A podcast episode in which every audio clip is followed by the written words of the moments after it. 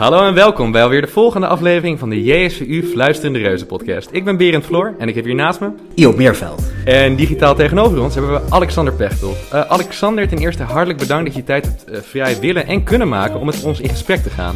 Uh, de meeste mensen die zullen je wel kennen van je politieke carrière, maar misschien wil je een korte introductie geven over jezelf, vooral met oog op de functies die je nu bekleedt. Eigen studententijd ligt alweer een behoorlijke tijd achter me. In die tijd wilde ik archeoloog worden, maar het is er niet van gekomen. En achteraf denk ik ook niet dat ik daar het geduld voor zou hebben. Ehm, maar dat ik uh, uh, nu uh, in deze fase van mijn carrière bij het CBR zou belanden, dat heb ik nooit kunnen bedenken. omdat ik zelf vier keer gezakt ben voor mijn rijexamen en pas de vijfde keer geslaagd ben. Ehm, maar, maar misschien zijn er andere redenen waarom ik het toch erg leuk vind bij het CBR. Daar zullen we het misschien dadelijk nog wel over hebben. Uh, dat ik hier ben terechtgekomen heeft denk ik te maken met dat men iemand zocht die een beetje de, alle kanalen in het, uh, in het Haagse, niet alleen politiek, maar ook het beleid uh, kende. het, het, het, het, CBR is een ZBO, een zelfstandig bestuursorgaan, maar moest weer wat van zijn zelfstandigheid en zijn zelfbewustzijn terugkrijgen. En daar ben ik nu anderhalf jaar bezig om met een leuk team de schouders onderaan te zetten. Ja, precies, want u had het over die zelfbewustheid. En hoe heeft zich dat ontwikkeld in de tijd dat u hier daar werkzaam bent geweest? Nou ja, toen ik, toen ik het CBR aantrof, kende ik eigenlijk alleen de berichten uit de krant dat er lange wachttijden waren, met name voor senioren die op een verlenging van hun rijbewijs te wachten zaten. Nou, dat zijn we voortvarend gaan aanpakken en eigenlijk zijn we nu al een half jaar wat dat betreft weer op orde. Maar wat er achter vandaan kwam was dat nou, de hele rijschoolbranche en het opleiden, de autolessen, dat daar nog wel het nodig in uh, te verbeteren valt. En dat zullen we misschien ook veel van jullie luisteraars wel, zelf hebben ervaren. Het is een nogal schimmig wereldje, waar heel veel mensen kijken naar vooral hoe goedkoop kunnen de lessen zijn. En, en wat minder kijken naar de kwaliteit van de rijopleiding. Nou, het hangt toch uiteindelijk allemaal samen met de verkeersveiligheid. Dus het is nu mijn taak om niet alleen te zorgen dat het bij het CBR beter gaat, maar vooral ook dat die hele wereld van de rijschoolbranche dat daar eens uh, uh, wat kritischer naar gekeken wordt. En uh, nou, na anderhalf jaar hebben we al wel de eerste stapjes gezet. Ja, want ik kan me ook voorstellen dat corona um, ook de nodige obstakels met zich heeft meegebracht. Ik moet zeggen, ik ben zelf vorige week gezakt voor de tweede keer voor mijn rijexamen, dus voor mij is het ook nog erg actueel. zou je misschien willen vertellen over wat nou bepaalde maatregelen zijn geweest die echt toegespitst waren op, ja, de, op de lockdown, op corona? Ja, wat, wat, wat ik wel begrijp, uh, aan de andere kant denk ik, ja, als, als je toch een beetje doordenkt, zouden mensen dat toch moeten snappen. Wij zijn natuurlijk vorig jaar, in, bij de eerste lockdown zijn we een, uh, een negen weken dicht geweest. en vervolgens werden we aan het eind van het jaar toch weer verrast met een tweede lockdown. En gingen we vanaf 15 december tot vrij onlangs weer dicht.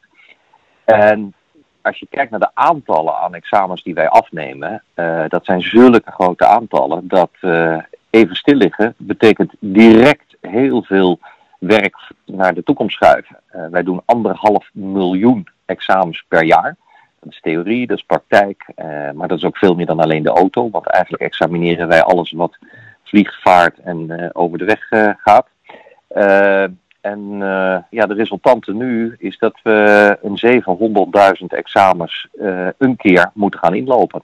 Nou, hopelijk komen die niet allemaal dit jaar weer terug. Maar de komende jaren verwachten wij ja, heel, veel, heel veel werk. En dat betekent dat we op meer uren open gaan, dat we meer collega's aan het opleiden zijn. Maar dat we, en jij bent daar ook een van, dat we ook hopen dat mensen pas op examen komen op het moment dat ze er ook echt geschikt voor zijn. Want die, eh, die slagingspercentages die zijn eigenlijk al jaar in jaar uit bedroevend laag. Die hangen zo rond de 50%. En je kan je voorstellen dat dus heel veel mensen bij ons op examen komen die er eigenlijk nog niet aan toe zijn. Ja, dat, uh, dat kan ik me zeker goed voorstellen. Ik zou graag eigenlijk even door willen naar nog een uh, andere best wel interessante functie die u heeft vervuld de afgelopen tijd. U bent namelijk de presentator geworden van de achterkant van het gelijk. Uh, hoe, hoe is dat eigenlijk gebeurd? Had u, u zelf ooit dat zien doen? Nee, helemaal niet. Uh, uh, ik werd toen ik in, wat was het, oktober 2018 stopte in, in de Tweede Kamer al vrij snel door BNN-VARA gevraagd van, goh, zou jij niet een keer een tv-programma willen doen? Nou, ik heb natuurlijk vaak genoeg in tv-programma's gezeten. Uh, maar ja, zelf iets gaan presenteren, uh, dat, uh, ja, ik, ik zeg toch altijd vragen beantwoorden, is wat anders dan vragen stellen. dus ik wist niet of ik dat zou, zou kunnen. maar ja, ik ben ook wel zo iemand dat als, als mensen mij wat vragen en, en kennelijk denken dat ik het kan, dat ik dat ook wel wil verkennen. Dus toen hebben we met een redactieteam daar is wat over zitten brainstormen. En we hebben ook een proefuitzending gemaakt. En toen was de VARA nog steeds enthousiast. daar is uh, in dit voorjaar een seizoen van zes afleveringen uit voortgekomen. Van een icoon van een programma. Want uh, daar zijn jullie te jong voor, maar en zelfs ik ben daar nog net iets. Want het begon eigenlijk zo rond 1980. Nou, toen was ik 15, dus dan keek ik ook nog niet echt naar dit soort programma's. maar ja, toen was het een, een, een veel geprezen programma. Eh, toen gepresenteerd door, eh, door Marcel van Dam, de oud-staatssecretaris. Eh, maar men vond het eigenlijk zonde dat dat programma niet meer bestond. dus we zijn het in een iets moderner jasje weer, weer, weer gaan doen. En nou ja, het eerste seizoen zit er nu op. En ik heb vorige week met de VARA, BNN VARA gesproken over een tweede seizoen. Dus het bevalt nog steeds. Ja, dan blijkt het dat u presenteren u toch nog wel goed valt. U heeft natuurlijk ook jarenlang een partijprogramma moeten presenteren in de Tweede Kamer. Wat natuurlijk ook kan zien als een vorm van presentator zijn. U heeft, als ik het goed heb, uh, vier jaar lang lijsttrekker geweest. Um, en op een gegeven moment, ja, je slaat dan non-stop in de media-aandacht. Er continu camera's. Uh, en dan op een gegeven moment is dat voorbij. Val je dan niet in een enorm gat? Of hoe, hoe werkt dat? Hoe bouw je je leven op een gegeven moment opnieuw op als je daarvoor zo erg een persoonlijkheid bent geweest waar iedereen zich, ja, misschien niet dagelijks, maar wel wekelijks mee bezig kunnen houden? Ja, het gekke is dat misschien, eh, voordat ik aan dat gat toe kom, dat ik eerst de aanloop naartoe. Kijk, ik zat in de lokale politiek. Nou, dan word je nog wel eens op straat herkend. Uh, uh, nou ja, daar, leer je mee omgaan. Vervolgens kwam ik eerst als minister in de nationale politiek en, en, en twaalf jaar als fractievoorzitter en, en, diverse keren lijsttrekker. en elke keer bij, bij, bij, bij iedere stap dacht ik van nou, dit, dit is toch wel het niveau en, en, en, en hè, de bekendheid is nu toch wel aan zijn, aan zijn max. Maar ik merkte dat zelfs de laatste jaren daar nog steeds een stijgende lijn in zat als je mensen vraagt welke politici ken je, ja, dat over, over het algemeen komen ze met Kamerleden niet verder dan een stuk of vijf of misschien tien en dan nog een paar ministers. Uh, en ja, en op een gegeven moment merkte ik zelf dat ik wel in dat groepje zat. Uh, en dat is een gekke gewaarwording. Uh, overigens is het voor je omgeving, voor mijn kinderen. die zijn nu nog tiener, nu zijn ze weliswaar een beetje 17 en 18. Maar in het begin was dat ook, ook best voor, voor mijn omgeving best wel even wennen. dus ja, dat bouwde zich maar steeds op. Uh, nu ben ik er 2,5 jaar uit en ik merk nog niet echt dat, dat, dus over een gat kan ik hier spreken, dat de belangstelling minder is. Sterker nog, uh, als ik vandaag alleen weer kijk, ik kan vanavond bij de vooravond zitten, morgen willen ze me bij spraakmakers hebben. Dus die media-aandacht uh, is kennelijk er nog steeds. dus ik heb, ik, ik heb geen echt gat. Ja, ik heb nog niet echt een gat, maar uh, mijn hele werk ziet er, mijn werkweek en de intensiteit daarvan ziet er wel heel anders uit. En als je nu hè, de recente berichtgevingen over een minister die met een burn-out thuis zit, Kamerleden die met burn-out thuis zitten, dan denk ik wel eens, ja, hoe, hoe vaak ben ik langs het randje uh, gelopen? Want uh, het is ongelooflijk intensief werk en het is eigenlijk 24-7, want je staat altijd aan. En, en dat is niet zozeer een gat als wel een opluchting nu dat dat iets gezonder is. Nou, het klinkt alsof u aardig wat van de positieve aspecten heeft kunnen behouden. En dan toch die, die stress, continu in de spotlight staan, dat dat wat minder is. Maar om even een stap terug in de tijd te nemen, uh, waar het eigenlijk allemaal begon. Uh, de eerste studie waar u aan begon, dat was rechtsgeleerdheid. Zo waar wel in Leiden. Maar waarom bent u hier eigenlijk mee begonnen? Ja, ik heb gymnasium Alpha gedaan. En uh, ja, een taal, dat was niet echt iets voor mij. Dus het was meer een wegstreeplijstje van, van ja, wat wil ik nou gaan studeren. En uh, ik had een, een, een oom die uh, in 1937, mind you, uh, rechten was gaan studeren in, in Leiden. en dat was eigenlijk mijn enige referentiekader. En toen dacht ik, nou ja, rechten dan maar. Uh, misschien is dat een soort algemene opleiding waar ik later wat mee kan. Nou, binnen een paar maanden kwam ik erachter dat dat een hele slechte combinatie was, Alexander Pechtold en rechten. Uh, en, uh, en heb ik gelukkig op tijd nog bedacht, ik moet wat anders gaan doen. En toen ben ik gewoon eigenlijk gaan doen wat ik leuk vond. want ik was wel erg geïnteresseerd in geschiedenis en kunst. Dus toen ben ik geschiedenis gaan doen. Ja, nou, dit, dit loopbaan met rechten, dat hoor je wel eens vaker. Uh, dat mensen op de Bonnefoy rechten gaan doen en dan schreeuwend weer weg bij rennen. Uh, dat is ons nog niet overkomen. Wij zitten al in de verdere jaren van het rechten. Uh, en het is inderdaad ook heel persoonlijk of je rechten wel of niet bij je past. Maar dan in het algemeen, wat maakte voor u uw studententijd nou echt geslaagd? Wat zou je aan ons dan nog wel rechtenstudenten willen adviseren om te doen om ons optimaal te kunnen ontwikkelen? Ja, misschien hetzelfde als wat ik mijn dochter, die wel in, in september rechten gaat studeren in Leiden. Uh, tenminste, in, in van plan is ook te gaan afmaken. Uh, wat, wat, ik haar ook zou uh, adviseren is, je studententijd is meer dan je studie. wat ik daarmee wil zeggen is dat ik merkte hoe leuk het werd toen ik A Leiden meer ging kennen dan alleen als studentenstad. Uh, maar ook echt als, als, als gemeenschap, als, als stad. Uh, ik ben nog steeds verliefd op, uh, op, op, op Leiden. maar het was ook de periode waar je nog eens een keer een fout kan maken. Waar je jezelf nog eens een keer wat, wat beter kan, kan verkennen. En de periode waar je vriendschappen en een netwerk nou ja, de basis voor legt. Waar je de rest van je, van je leven ontzettend veel plezier van kan hebben. Ehm, ik blijf het maar herhalen. Kennis is macht en kennissen zijn machtiger. Ja, dat moet ik even in laten dalen, maar dat klinkt echt als een heel mooi gezegd. Hè? Um, en um, u had het net inderdaad over die netwerken die u dan opbouwde. Um, daarover, het is algemeen bekend dat u lid was bij de Leidse Studentenvereniging Minerva. Hoe heeft u die tijd ervaren? Heeft dat, wat voor rol heeft dat gespeeld in uw studententijd? Ja, ik, ik, ik, ik, ik kom mensen tegen die uh, nog steeds met hun jaarclub DAS en, en, en, en, en Minerva DAS uh, uh, door het leven gaan.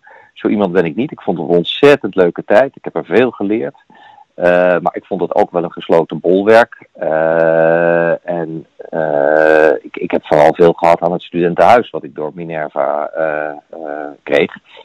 Uh, en, en, en met mijn jaarclub hebben we nog steeds wel contact. We hebben een appgroep uh, waar uh, bijna dagelijks de meest grote ongein gewisseld wordt. Ehm, dus dat allemaal in het kader van dat netwerk. Maar Minerva, ik heb het leuk gevonden omdat een studentenvereniging zorgt dat je niet helemaal vereenzaamt. Nou, en in mijn geval ook nog leiden tot een leuke woonplek.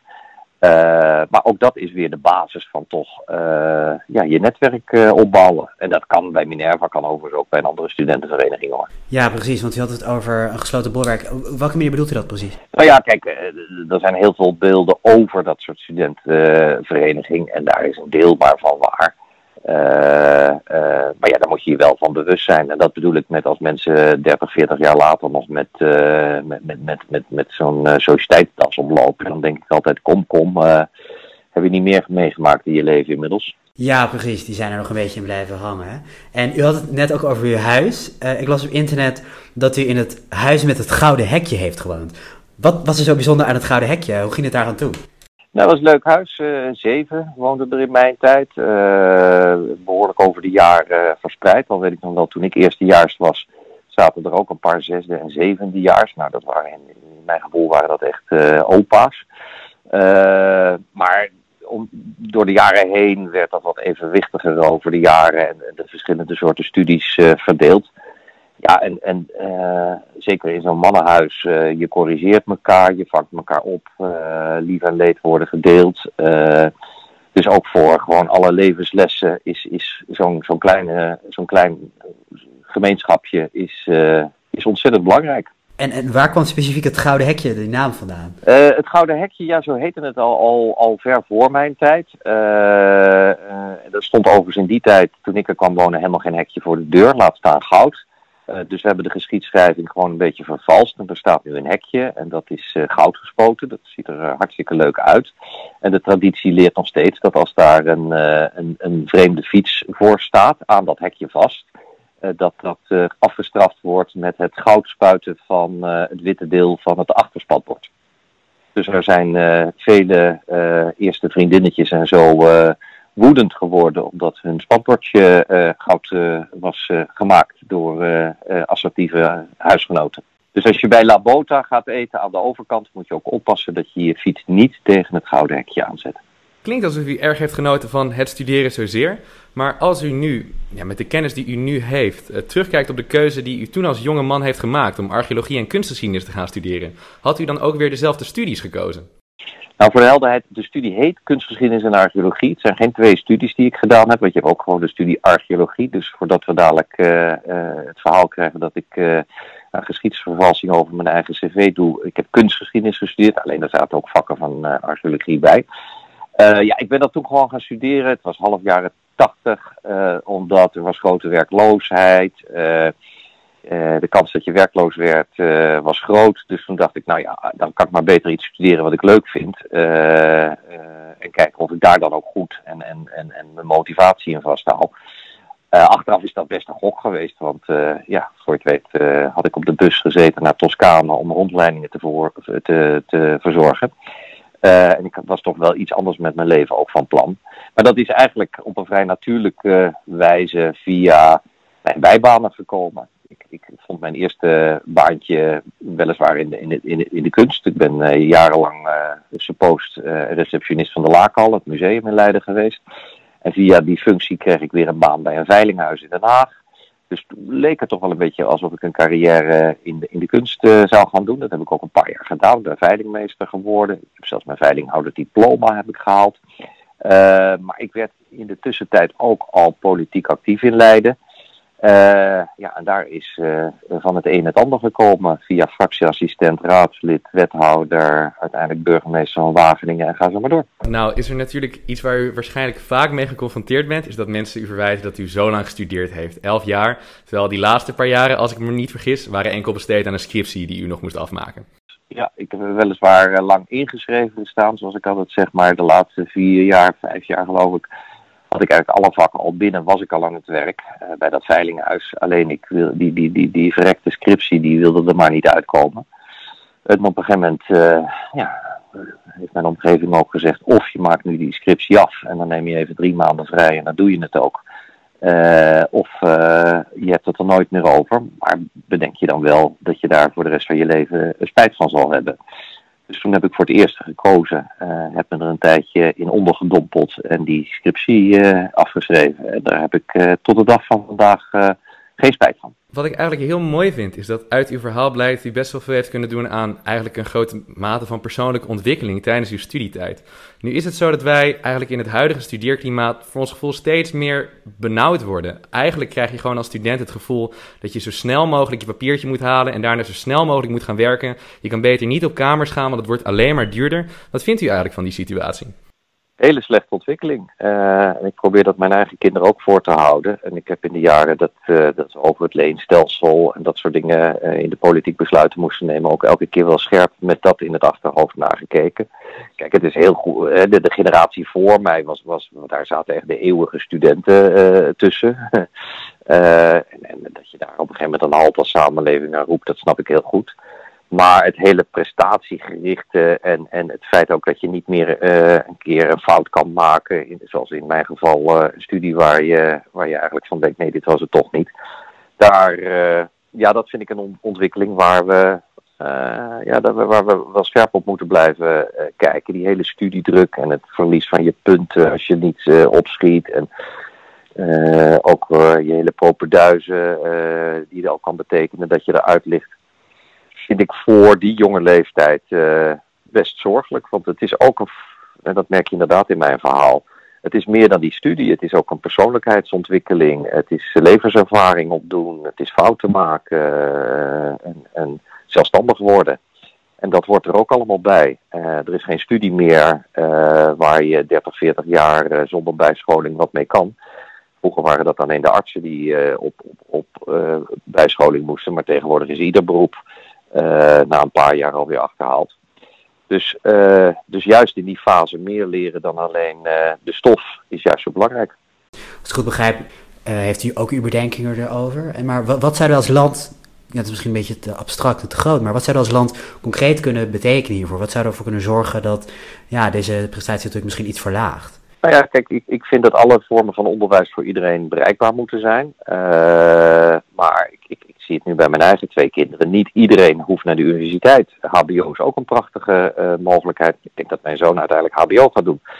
Uh, dus dus zorg dat, dat, dat studeren wel voor iedereen toegankelijk is. Maar kijk ook echt voor, voor wie het geschikt is. en degene die je laat studeren studeren als samenleving en dat voorrecht gunt en, en daar ook als samenleving geld voor uittrekt. Hè? Want iemand die tegelzetter wordt op zijn 16e, 17e krijgt niet al die subsidie, zou ik het bijna noemen, van, van universiteiten en opleidingen en inkomen en wat, alles wat er samen mee hangt.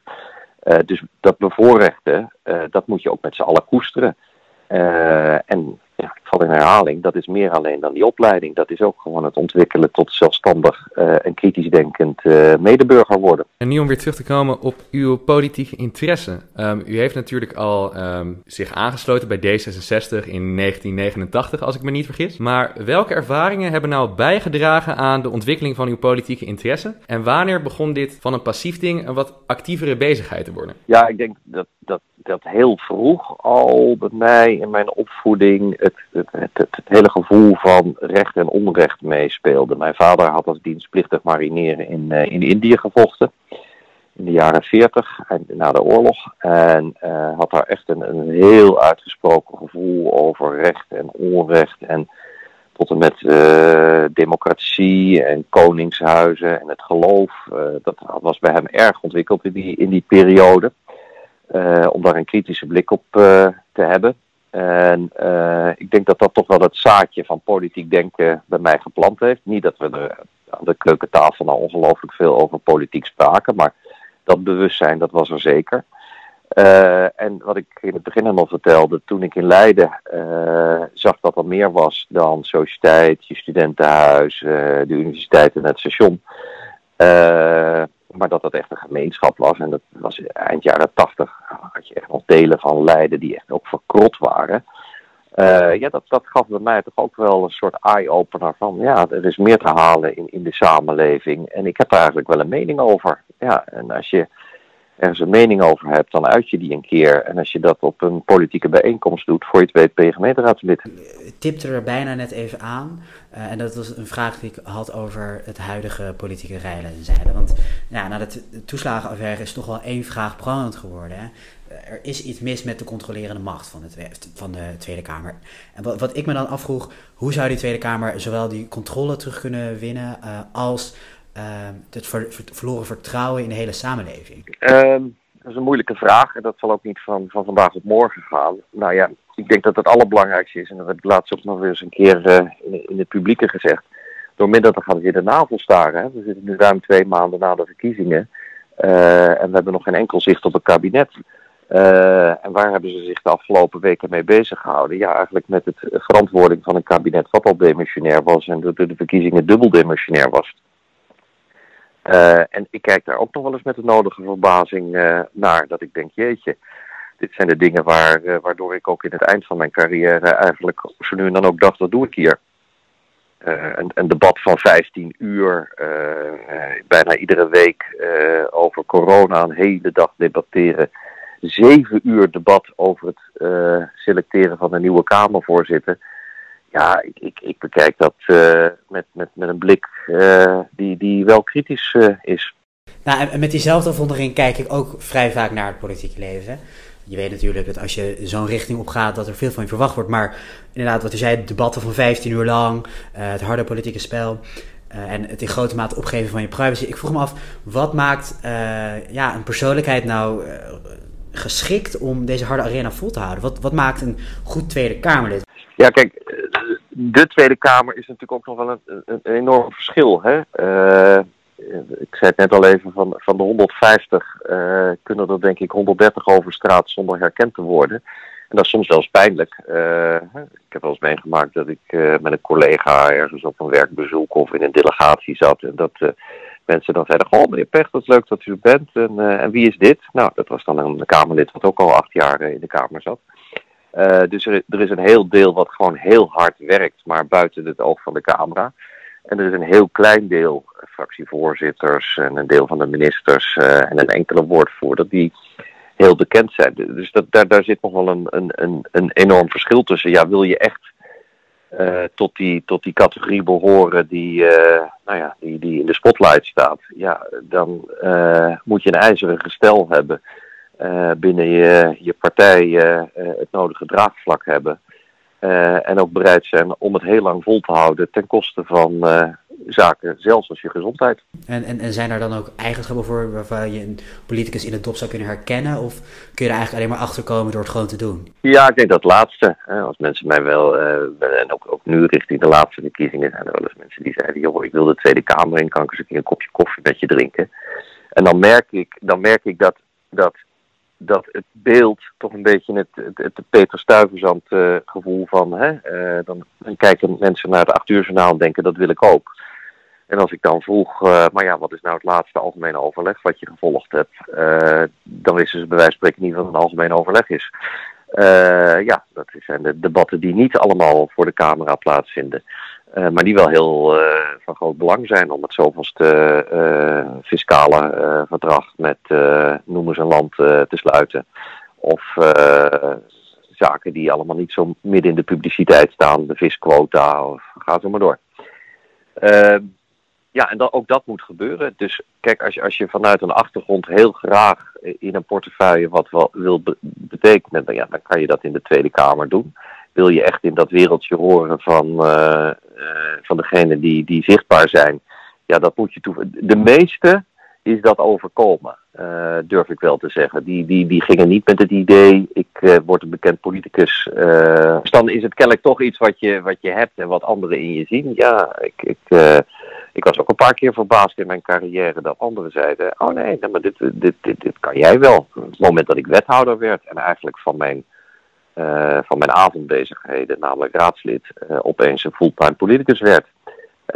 En ik, ik zelf was daar nog niet zo van overtuigd. Dat ik, ik was toen nog geen eens dertig. dat ik wethouder zou kunnen worden.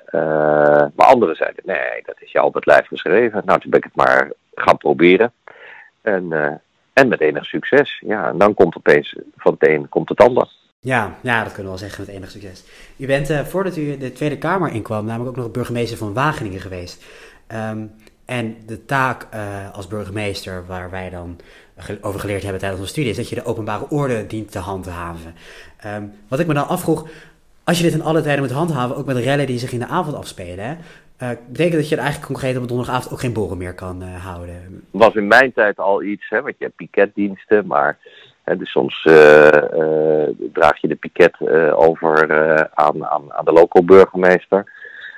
Maar tegenwoordig zie je, zeker bij de grote steden, dat de aanwezigheid van de, de burgemeester toch eigenlijk wel als normaal wordt verondersteld. Je ziet ook allemaal burgemeesters in de zomer opeens terugkomen, terwijl ze pas drie dagen in Frankrijk waren. En ze moeten alweer terug, want er gebeurt wat in hun gemeente. Dus dat is ook wel, wel aan het veranderen in die rol. Maar dat klopt. Uh, je staat 24-7 aan en je moet 24-7 je bewust zijn van het feit dat je de burgemeester bent. En dus ook representatief moet zijn, maar ook direct moet kunnen handelen. En, en zelfs in een gemeente als Wageningen, wat een overzichtelijk uh, stadje is, ja, overkwam me dat wel eens. Dat ik, uh, ik kan me nog een keer herinneren dat we gaslekken hadden in een wijk, waardoor we allemaal woningen moesten ontruimen. En we wisten niet precies wat er was. Het zat ergens in het riool. En iedereen werd hartstikke misselijk in die huizen. Dus nou ja, iedereen met zijn kat op de hand de straat op. En die moesten we allemaal onderbrengen in hotels. Nou, dat was allemaal net gelukt. Uh, en ik kwam om een uur of wat was het, half twee uh, uh, s'nachts thuis. En na een kwartier ging mijn telefoon alweer. En toen was er een dodelijke steekpartij in een café, waarbij een, een, een helemaal doorgesnoven figuur iemand had doodgestoken en een ander heer heel ernstig verwond. En een hele klopjacht daar weer op. Nou, burgemeester weer, uh, weer naar het bureau toe. Nee, dat, dat, klinkt inderdaad wel als dat je veel verplichtingen hebt. En een andere vraag die me ook uh, in me opkwam ten aanzien van het zijn van burgemeester. Femke Hasma die gaf um, bij de Black Lives Matter demonstraties aan dat zij heel erg twijfelde over het ingrijpen tijdens zo'n demonstratie die dan eigenlijk verboden was. Omdat zij bang was dat de openbare orde niet gehandhaafd zou worden. En ze koos er eigenlijk maar voor om te gedogen. En dat is recent ook gebeurd bij een Ajax demonstratie volgens mij en een, ergens in Eindhoven. Heeft hij ook wel voor die keuze gestaan dat dan op een gegeven moment dat u ja, toch dingen moest gedogen waar u het eigenlijk niet mee eens was. Puur om uh, de vrede te bewaren. Of is daar Wageningen iets te rustig voor? Nou, Wageningen is, is, is wat dat betreft wel redelijk rustig. Maar ik kan me in dit kader toch wel iets uh, herinneren. En dat was met name rond de krakersbewegingen. Daar hadden we in Leiden had ik daar al heel veel ervaring mee. Dat had een keer toe geleid dat, dat ik een, een pand moest laten ontruimen. En daar ook wel een beetje de kop van Jut rond werd, waardoor zelfs mijn privéadres belegerd werd, zo'n beetje door de krakers. Dus ik had een naam in de krakerswereld. En toen werd ik burgemeester van Wageningen. En nou, daar, laat daar nou ook volgsport nummer één kraken zijn, onder de studenten en alles wat daar omheen hangt. En dus binnen een paar weken werd er een, uh, een soort houtloods gekraakt. En toen heb ik bij mezelf uh, met de politiechef en de brandweercommandant hebben we echt even gezegd van ja, ze zijn ons nu aan het uitdagen. Dus wat doen we? Uh, en toen heb ik ervoor gekozen om vrij hard in te grijpen en de boel binnen 24 uur weer te ontruimen. Wat, wat allemaal advocaten en kort gedingen en weet ik veel wat op, op, op, me, op me afstuurden. Uh, maar ik wilde ook aan die gemeenschap laten zien dat ik, dat ik ook nou ja, scherp kon handhaven als dat nodig was. de kraakwereld zag het toen als een halve oorlogsverklaring. Maar ik vond het van belang om te laten zien dat zelfs in een hele linkse progressieve gemeente als Wageningen we niet alles zomaar tolereerden. En dat is dan wel een afweging van ga ik een beetje mee in, het, in de cultuur van Wageningen dat, dat dit nou wel moet kunnen. Of laat ik een keer zien dat er een grens aan is. In het kader van ook, ook veiligheid en volksgezondheid en brandveiligheid vond ik het onverantwoord dat ze daar bleven zitten. Wat ik eigenlijk nog aan u wil vragen is wat u er eigenlijk van vindt dat we zowel in de politiek als in een samenleving eigenlijk naar een steeds intolerantere samenleving toewerken. Uh, je kan zowel eigenlijk als maatschappelijk, als bekend figuur in de Nederlandse maatschappij of als politicus eigenlijk geen fout meer maken, want wanneer de media je eenmaal te pakken hebt, dan is het klaar. Wat vindt u daarvan en de druk die daarmee gepaard gaat? Nou, ik vind het wel heel leuk dat jullie die vraag stellen, want jullie zijn toch een stukje jonger. En, en zelf denk ik elke keer, word ik nou zo oud uh, en, en, en, misschien hier en daar een beetje cynisch? Of zijn er echt dingen aan het veranderen? Uh, maar als we samen vaststellen dat dat toch wel een ontwikkeling is, ja, ik, ik merk dat. Ik, ik, ik vraag me af welke rol de media daarin spelen. Uh, en dat mag ik nu ik de politiek uit ben, mag ik dat ook zeggen. Maar als ik zie wat er s'avonds allemaal aan de talkshowtafels uh, uh, wordt uh, gewisseld, dan denk ik, ja, dat is steeds minder informatief. Het is ook steeds minder bedoeld om mensen tot elkaar te brengen. Het is vooral hoe, hoe, groot weten we de rel en de tegenstellingen te maken. Hè? Even een traditionele discussie als over Zwarte Piet. Hè? Aan de talkshowtafel zet je dan tegen, twee mensen tegenover elkaar die vooral recht tegenover elkaar staan en die ieder misschien 10% van, van de bevolking vertegenwoordigen. En de 80% die daar misschien wat genu genuanceerder tussen zit, ja, die herkent zich daar steeds minder in. En, en, en gezamenlijk met de social media uh, leidt dat tot, tot ja, dat mensen ook heel erg op het individu hakken en, en meningen hebben en conclusies trekken. En dat, vind ik wel zorgelijk. Uh, en dan denk ik altijd, stel dat je het jezelf overkomt. Als ik, als ik toch een misschien, nou misschien, misschien moet ik dat ook gewoon durven. Uh, een, paar week of maanden geleden was, was zo'n zo'n Marokkaans-Nederlands uh, acteur, Bilal heette die geloof ik. Nou, die had samen met een, met een, met een vriendje een ontzettend stom ding gedaan en, en een veel te jonge jongen gevraagd, laat je piemelen zien. Nou, dat is een grapje uh, wat volgens mij al heel erg oud is. Alleen je moet dat natuurlijk niet op social media doen. Je moet dat zeker niet met een, met een knulletje van 12, 13 flikken. Maar dat gezegd zijnde, zie je dat binnen 24 uur uh, platencontracten, uh, herhalingsuitzending, uh, alles, alles, alles wordt stopgezet. en iemand nog niet door, door, door er is nog geen aangifte gedaan, er is nog geen rechter, er is nog helemaal niets aan te pas gekomen. En een paar hele jonge mensen zijn voor het leven getekend en, en veroordeeld dat vind ik een, een, zorgelijk iets. En dan denk ik, wat draag ik daar nou zelf in mijn honger naar dit soort uh, gossip uh, aan bij? Uh, en, en hoe kunnen we daar met z'n allen weer een beetje het, het, het, het, verstand en het vergevingsgezindheid, misschien een gek woord, maar ook een beetje de vergevingsgezindheid in terugbrengen. maar daar zijn we met z'n allen voor verantwoordelijk. En dit was alweer deze aflevering van de Fluisterende Reuzen podcast van de JSVU. Graag tot de volgende keer volgende keer bij de Fluisterende Reuzen podcast. Wie is die docent om jou te vertellen dat je het niet aan kan? Kijk wat je al hebt afgelegd, weet je. En zo hebben mijn ouders me eigenlijk altijd gepusht. Als je ook benieuwd bent wie de volgende spreker is, hou dan vooral de socials van de JSVU in de gaten.